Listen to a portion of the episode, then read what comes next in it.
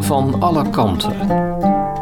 Podcastserie over vluchtelingen in Maasluis. Dit is de vierde aflevering van deze podcastreeks en aflevering 2 van 3 over de procedure. Daarover hoor je Peter den Boer, Rani Hamad, Sjoerd Kuiper, George Markabawi en Sherstin Hes. I used to work with in the past. I used to be volunteer with. Vanuit het verleden was ik gewend om als vrijwilliger met vluchtelingen te werken. Ik weet dat als er veel vluchtelingen komen, dat een probleem is voor de regering of voor het COA om een goede procedure voor ze te bedenken. Vluchtelingen zijn vooral op zoek naar basisbehoeften, zoals een warm en veilig heenkomen. Mijn eerste ervaring daarmee was in Ter Apel. Toen ik er kwam, was het er te druk. Mijn probleem begon daarna, toen ik naar een ander opvangkamp ging en ik anderhalve maand moest wachten. Al die tijd wist ik niet wanneer ik mijn eerste gesprek zou hebben, terwijl een heleboel anderen met wie ik tegelijkertijd was aangekomen, binnen twee weken al aan de beurt waren. En toen ik over mijn situatie vertelde, kreeg ik van anderen te horen dat het een kwestie van geluk hebben was. Een lot uit de loterij wanneer je aan de beurt bent. Ook wist ik niet welke beambte over mijn dossier ging. Ook dat was voor mij een probleem. Toen ik naar dit land kwam, wist ik dat ze hier goed zijn met alle procedures. Dat mensen gerespecteerd worden. Maar vroeg ik mij af, ben ik dan maar een nummer? En gaat het echt om geluk hebben? Oh, Mijn eerste probleem was dus dat ik heel lang moest wachten voor ik mijn eerste gesprek had. Zoals eerder opgemerkt, velen hoefden minder lang te wachten dan ik. Als ik geweten had waarom dat zo was, had ik dat niet erg gevonden. Maar niemand kon mij op die vraag antwoord geven. En omdat ik het niet wist, maakte ik mij zorgen. Zou ik in de toekomst dezelfde problemen houden? Verder denk ik dat het verkeerd is dat er maar één aanmeldcentrum is, ter Apel, om alle mensen op te vangen. Waarom kunnen er niet nog twee aanmeldcentra bijkomen, zoals Ter Apel en Budel? Want ik denk dat de regering kan regelen dat er meer aanmeldcentra komen om de mensen te ontvangen en welkom te heten. If it's many camps said welcome for that, and the government I think that can do that.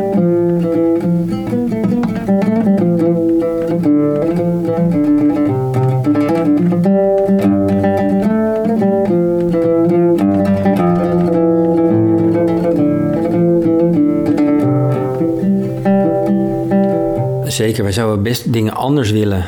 Als wethouder van een gemeente verbaas ik me natuurlijk wel over het verschil in de behandeling van de Oekraïners en, en de, Syriërs. De Oekraïners mogen vanaf dag één hier werken, terwijl het ook geen land in de Europese Unie is. Dat zouden deze mensen ook heel graag willen. De stroperigheid van de processen en de duur en de organisatie van die processen, ja, dat is wel soms uh, moeilijk te verkroppen, laat ik het zo zeggen. Dat deze mannen uh, bijvoorbeeld werden opgeroepen voor een gesprek met de IND, heel erg belangrijk. Nou, sommigen sliepen er echt slecht van. Mm-hmm. Van Heijn en de Verre moesten ze naar, uh, ik geloof in de buurt van Schiphol komen. En toen was er een, een, een, een treinstaking, toen waren alle mensen van de IND gezegd, blijf maar thuis, het gaat niet door. Terwijl mensen daar maanden naartoe uitzagen. Maar ook dat verstrekken van het burgerservice nummer zo cruciaal is. Het was een fantastisch project. Papier prikken langs de waterweg. Opruimen van de stad. Nou, je zou zeggen fantastisch. En die jongens wilden graag meedoen. Die wilden iets terug doen voor Maasluis, waar ze zich warm ontvangen voelen. Toen moesten we verdorie apart een vergunning krijgen van het UWV om daar toestemming voor te krijgen. En is ooit bedacht waarschijnlijk om te voorkomen dat die mensen worden uitgebuit wat dan ook. Ik zou het anders willen georganiseerd hebben. Dus uh, opruimen, maar ook bijvoorbeeld bedrijven die daar direct omheen zitten. Die in het begin zoiets hadden van nou, uh, jemig, we zijn benieuwd en uh, als dat maar goed gaat. Die waren na twee weken helemaal enthousiast. En die wilden graag een paar van die gasten een plekje geven om, nou, beginnen ze maar met een beetje opruimen. Of daar leren ze de taal, komen ze onder de mensen, ze staan te springen om werk. Het mag gewoon niet. En ja, dat is wel hooglijk frustrerend. Dus sommige mensen aan boord die zijn verveeld. We hebben behoefte aan arbeidskrachten. Er zijn bedrijven er vlakbij die ze graag een kans willen geven. En toch mag het niet. Nou, dat is wel eens frustrerend. Je luistert naar Van alle kanten. Over vluchtelingen in Maasluis. Het is een enorme hoeveelheid papierwerk. Wat dat betreft is Nederland toch nog wel heel erg een land van papier. Ik moet zo grinniken, want voor van alles krijgen ze een ontvangstbevestiging. Voor ons is dat heel normaal. Maar deze mensen hebben eerst oh, ik heb een brief van de IND, mag ik nu in Nederland blijven? En dan zeg ik, nee, dit is alleen maar een ontvangstbevestiging van een aanvraag. En dat duurt ongeveer een maand of zes voordat je verder antwoord krijgt. Dus daar moet ik wel een beetje om grinniken. En daarnaast is het heel veel papierwerk. Als zij een, een interview hebben, wordt daar netjes op papier verslag van gemaakt. Zowel in de taal waarin het interview gehouden is, vaak met behulp van een tolk. En dat wordt netjes vertaald in het Nederlands. En dan gaan ze met hun advocaat daar nog eens rustig naar kijken of daar geen correcties of aanvullingen op aangebracht moeten worden. Dat interview dat wordt meestal gehouden zo'n tien maanden na binnenkomst. Maar de uitspraak daarover, dus of ze wel of niet mogen blijven, is na 15 maanden maximaal. Dus dan zijn ze 15 maanden in Nederland en dan krijgen ze te horen of ze wel of niet mogen blijven. Nou, dat gaat allemaal gepaard met veel papier, met veel verslagen, veel rapportages. En uiteindelijk krijgen ze dus een stapel papier in het Nederlands wat ze vaak niet kunnen lezen. En uh, ja, daarom zijn wij er om hen te helpen. En ja, op het moment dat ze die beschikking hebben en ze willen hun familie naar Nederland halen, dan betekent dat dat we dus ook nog een gezinsherenigingsaanvraag moeten doen. En dat kan een pak papier zijn van 3, 4, 5 centimeter, afhankelijk van hoeveel mensen dat heeft.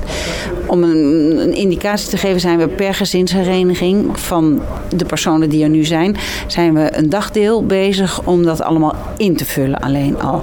En dan moeten we het nog bespreken, dan moeten er kopieën van gemaakt worden, het moet ingescand worden in de computer, het moet aangetekend opgestuurd worden naar de IND. En dan een paar dagen later komt er een ontvangstbevestiging. Nee, je familie mag nog niet naar Nederland komen. Dit is alleen maar bevestiging dat ze je, dat ze je aanvraag ontvangen hebben. Mijn dagtaak op de boot in het verleden. Ik kwam daar s morgens en ik ging meestal aan een tafeltje zitten met mijn laptop en een boek. Peter den Boer. En dan duurde het meestal uh, tien minuten voordat de eerste naar me toe kwam met vragen. En dat ging eigenlijk de hele dag door. Continu kwamen mensen naar me toe met uh, vragen over dit, vragen over dat. Ja, daarnaast deed ik natuurlijk, ging ik ondertussen uh, organisaties bellen ja. of andere zaken bellen, instanties bellen, om dingen voor elkaar te krijgen. Maar als ik aan boord zit, kan je eigenlijk niet uh, een half uur concentreren, want er staat altijd wel iemand aan je tafel die wat vragen heeft. Ik snap heel goed dat je met heel veel vragen zit en die graag aan iemand wil stellen. Want ja, ze zitten natuurlijk in een hele onzekere situatie. Hun gezinnen zitten nog in, in Syrië, hebben vaak geen geld meer of geen, geen stromend water of geen, geen, geen licht. Medicijnen is uh, moeilijk te krijgen. En zij zijn natuurlijk hier naartoe gekomen echt met het idee... papa die gaat hier uh, werk zoeken en geld verdienen... en ik ga jullie helpen en straks hier naartoe krijgen. Ja, en dat blijkt heel veel moeilijker te zijn dan dat ze dachten. De eerste periode dat zij uh, in Nederland op het schip zaten... mochten ze dus niet werken. Ze mochten geen geld verdienen. Ze mochten geen vrijwilligerswerk doen. Ze mochten eigenlijk helemaal niks behalve zitten, wachten... en eventueel een keertje sporten. Dat was het eigenlijk. En ze hadden dus ook aan leefgeld helemaal niks. Dus een pakje sigaretten kopen of een reep chocola zakje drop, dat was er helaas niet bij. Ja, laat staan dat ze dus hun familie iets geld konden sturen. Dat was helemaal uh, niet mogelijk. Dus ja, dat gaf nog wel eens wat uh, frustratie, wat ik heel goed snap.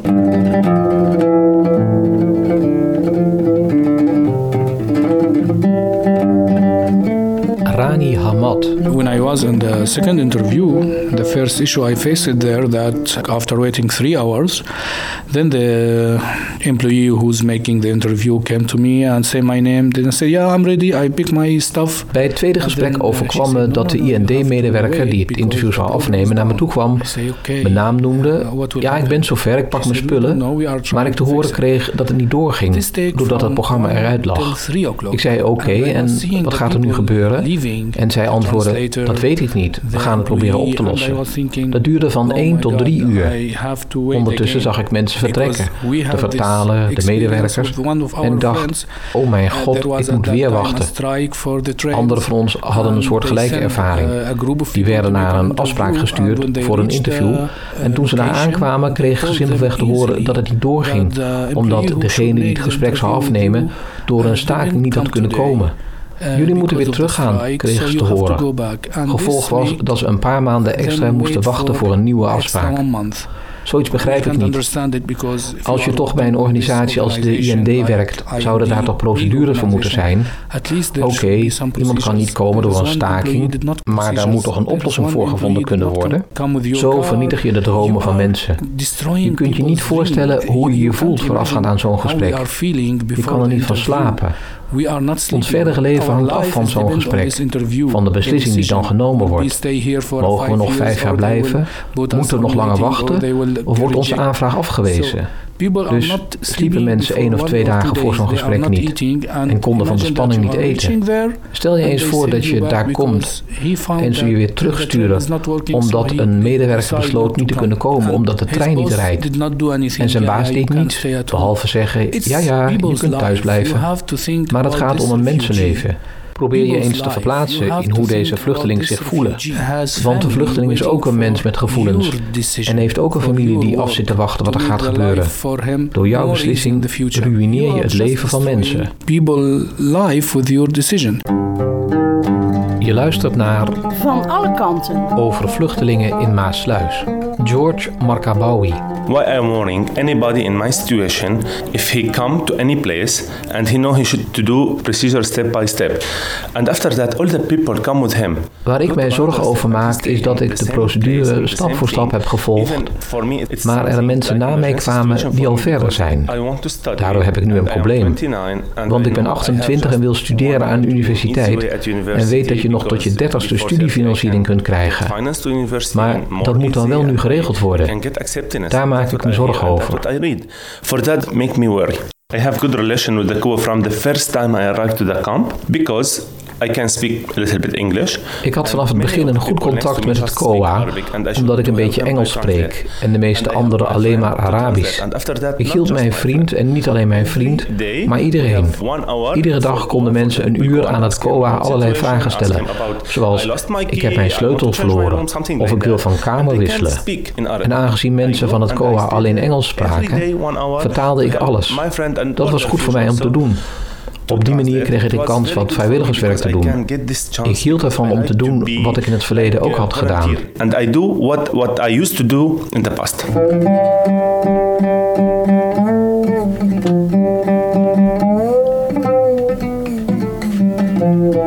Er is een grote schaarste aan woningen. Er is een grote woningnood. En we doen ons best in Maasluizen, we bouwen best heel veel. En we proberen daar ook meer betaalbare woningen in te bouwen. Dus we proberen de schaarste van woningen te bestrijden. En we proberen de schaarse woningen ook zo rechtvaardig mogelijk te verdelen. Maar dat is soms wel heel erg gebonden aan allerlei wet en regelgeving. Sjoerd Kuiper. Daarnaast, en dat uh, gaat ook in op de statushouders, is er een heel aantal doelgroepen die uh, met voorrang moeten worden gehuisvest. En de statushouder is daar een kleine groep van. Dus iedere half jaar krijgen we een aantal mensen door van de, van het Rijksoverheid die hier gehuisvest moesten worden. En dat doen we dan naar eer en geweten in goede samenwerking met onze woningbouwcorporatie Maas Delta. Aantal mensen is natuurlijk niet het aantal huizen. En soms zit er een gezin tussen met, met drie of vier kinderen. Dan heb je natuurlijk in één, voor één woning meteen veel gedaan. Afgelopen jaren was het aantal jaar nul. Nu hebben we er 30 of 40 mensen. En dat is dan iets van 18 huizen of zoiets ergens geplaatst totale aantal verhuringen van de corporatie bijvoorbeeld is meer dan 400 afgelopen jaar. om het even in perspectief te plaatsen.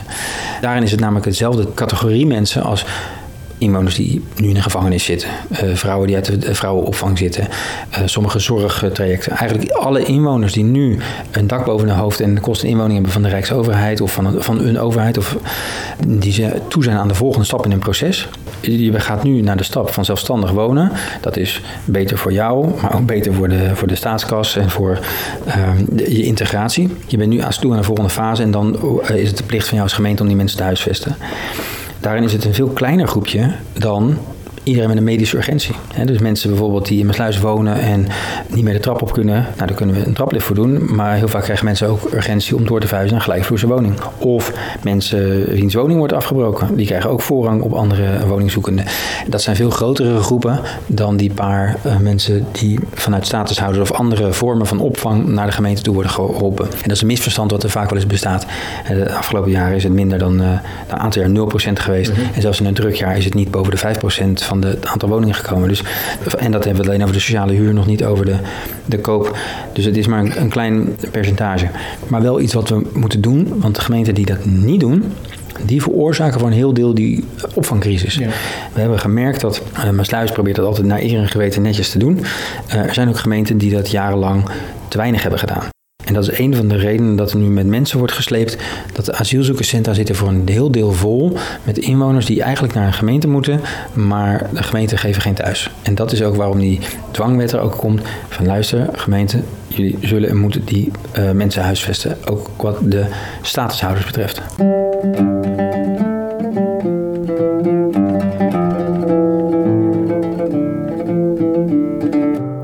Hamad. This is what they do it to me.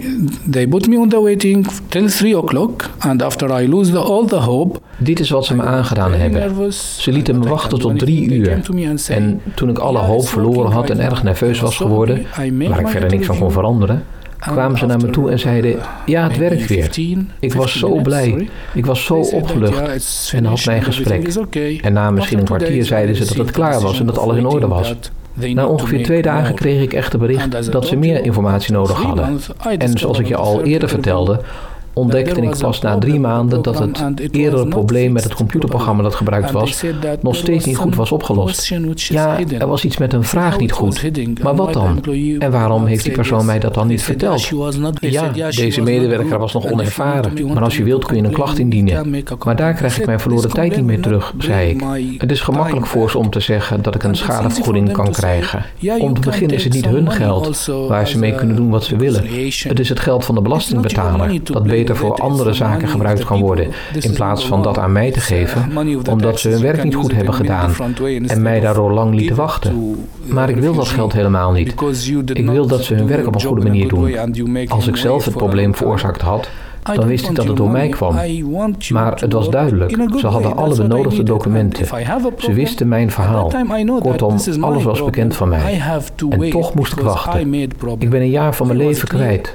Maar ook mijn vrouw en kinderen hebben een jaar verloren. En alleen maar omdat zij hun werk niet goed deden. Everything is clear. I don't have any problems.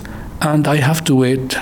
I lost one year from my children's life, from my wife's lives, just because they are not doing their work in a good way. Je luistert naar Van alle kanten. Over vluchtelingen in Maasluis. Peter den Boer. Of ik goed ben in improviseren. Ja, als, je, als je daarmee bedoelt vragen aanhoren, naar ze luisteren en dan zoeken naar een oplossing, dan zeg ik ja, ben ik goed in improviseren. Ja.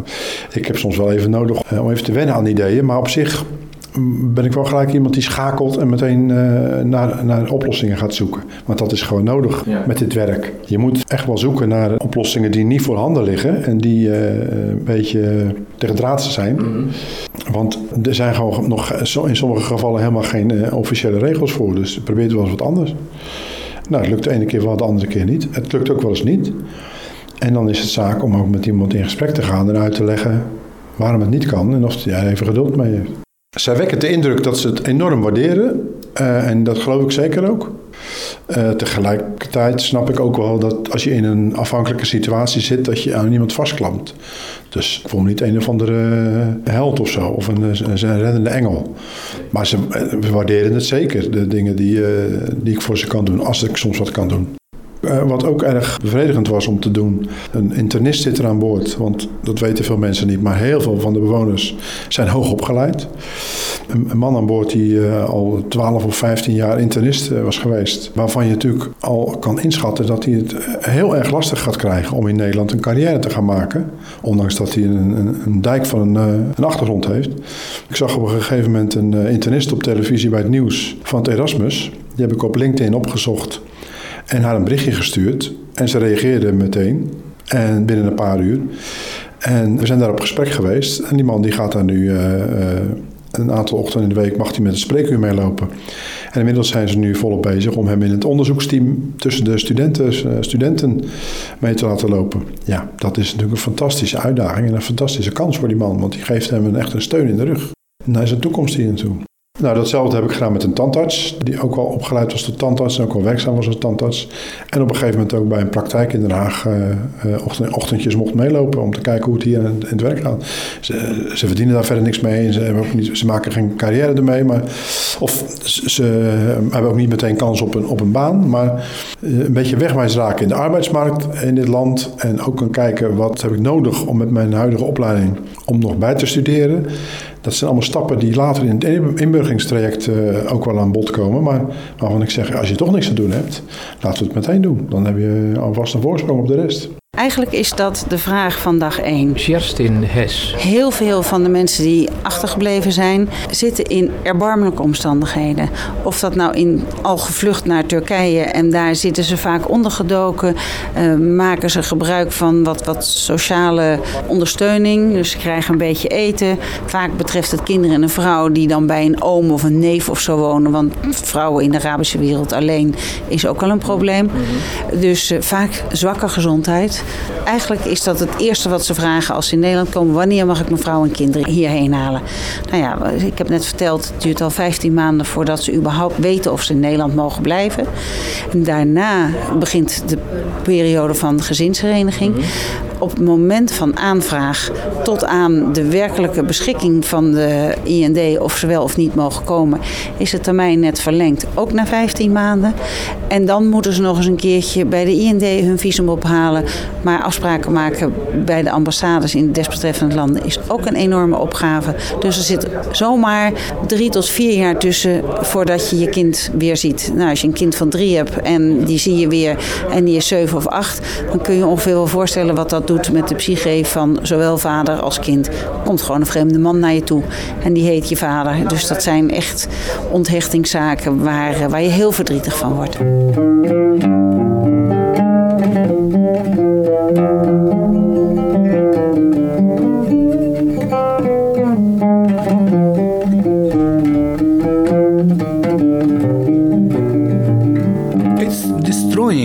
Not just frustrating. It's so hard to sleep while there is something in your mind and you did not have an answer for it. If they say for me from the first time that we are doubting something. Het is verwoestend, niet alleen frustrerend. Het is zo moeilijk om te slapen als iets door je hoofd spookt waar je geen antwoord op hebt. Als ze vanaf het begin hadden gezegd: wij twijfelen aan iets of we denken dat er iets is wat we meer moeten onderzoeken, dan zou ik ontspannen zijn, omdat ik wist dat is de reden. Maar stel je voor dat je al drie maanden wacht. Je vrouw heeft vragen, je kinderen huilen en ze horen geruchten over dat je nog geen verblijfsvergunning hebt gekregen. Terwijl er om je heen allemaal mensen zijn, ook met problemen, maar die al wel een vergunning hebben gekregen. Maar jij moet zonder reden blijven wachten en tast in het duister over wat er aan de hand is. En als je er dan over belt, krijg je van sommigen een grote mond. Of ze zeggen, ga maar naar je advocaat, maar praat niet met ons, want wij hebben geen antwoord voor je. Maar de meeste advocaten zijn druk of hebben soms geen tijd voor je en reageren niet. Dat is niet eenvoudig voor vluchtelingen die de taal niet spreken, de procedures niet kennen en als je niet weet wat je rechten zijn. Sommigen van ons zijn heel eenvoudige mensen die niet weten wat te doen. Dus is het te ingewikkeld.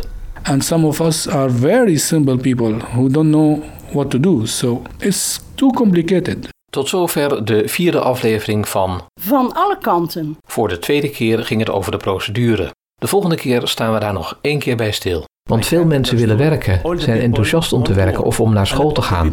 Als ze dan geen BSN-nummers geven, is dat niet goed. Wij hebben ons aantal mensen te huisvesten volgend jaar. Of die nou een deel van deze boot komt of niet, dat maakt niet uit. Dat aantal dat we moeten huisvesten is er sowieso.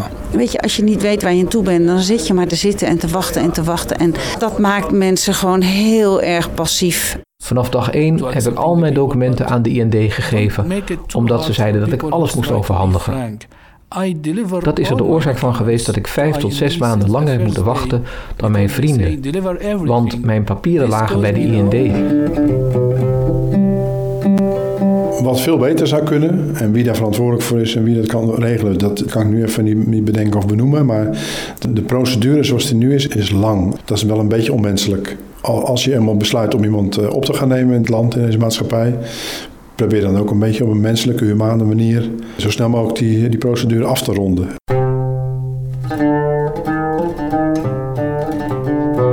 Dit was Van alle kanten door Krit Wilshuis, tekstinzicht audio. Muziek Biam Arbash. Adviezen Peter den Boer, Patricia van Lingen en Frank Wetters. Met dank aan gemeente Maasluis. Tot de volgende keer.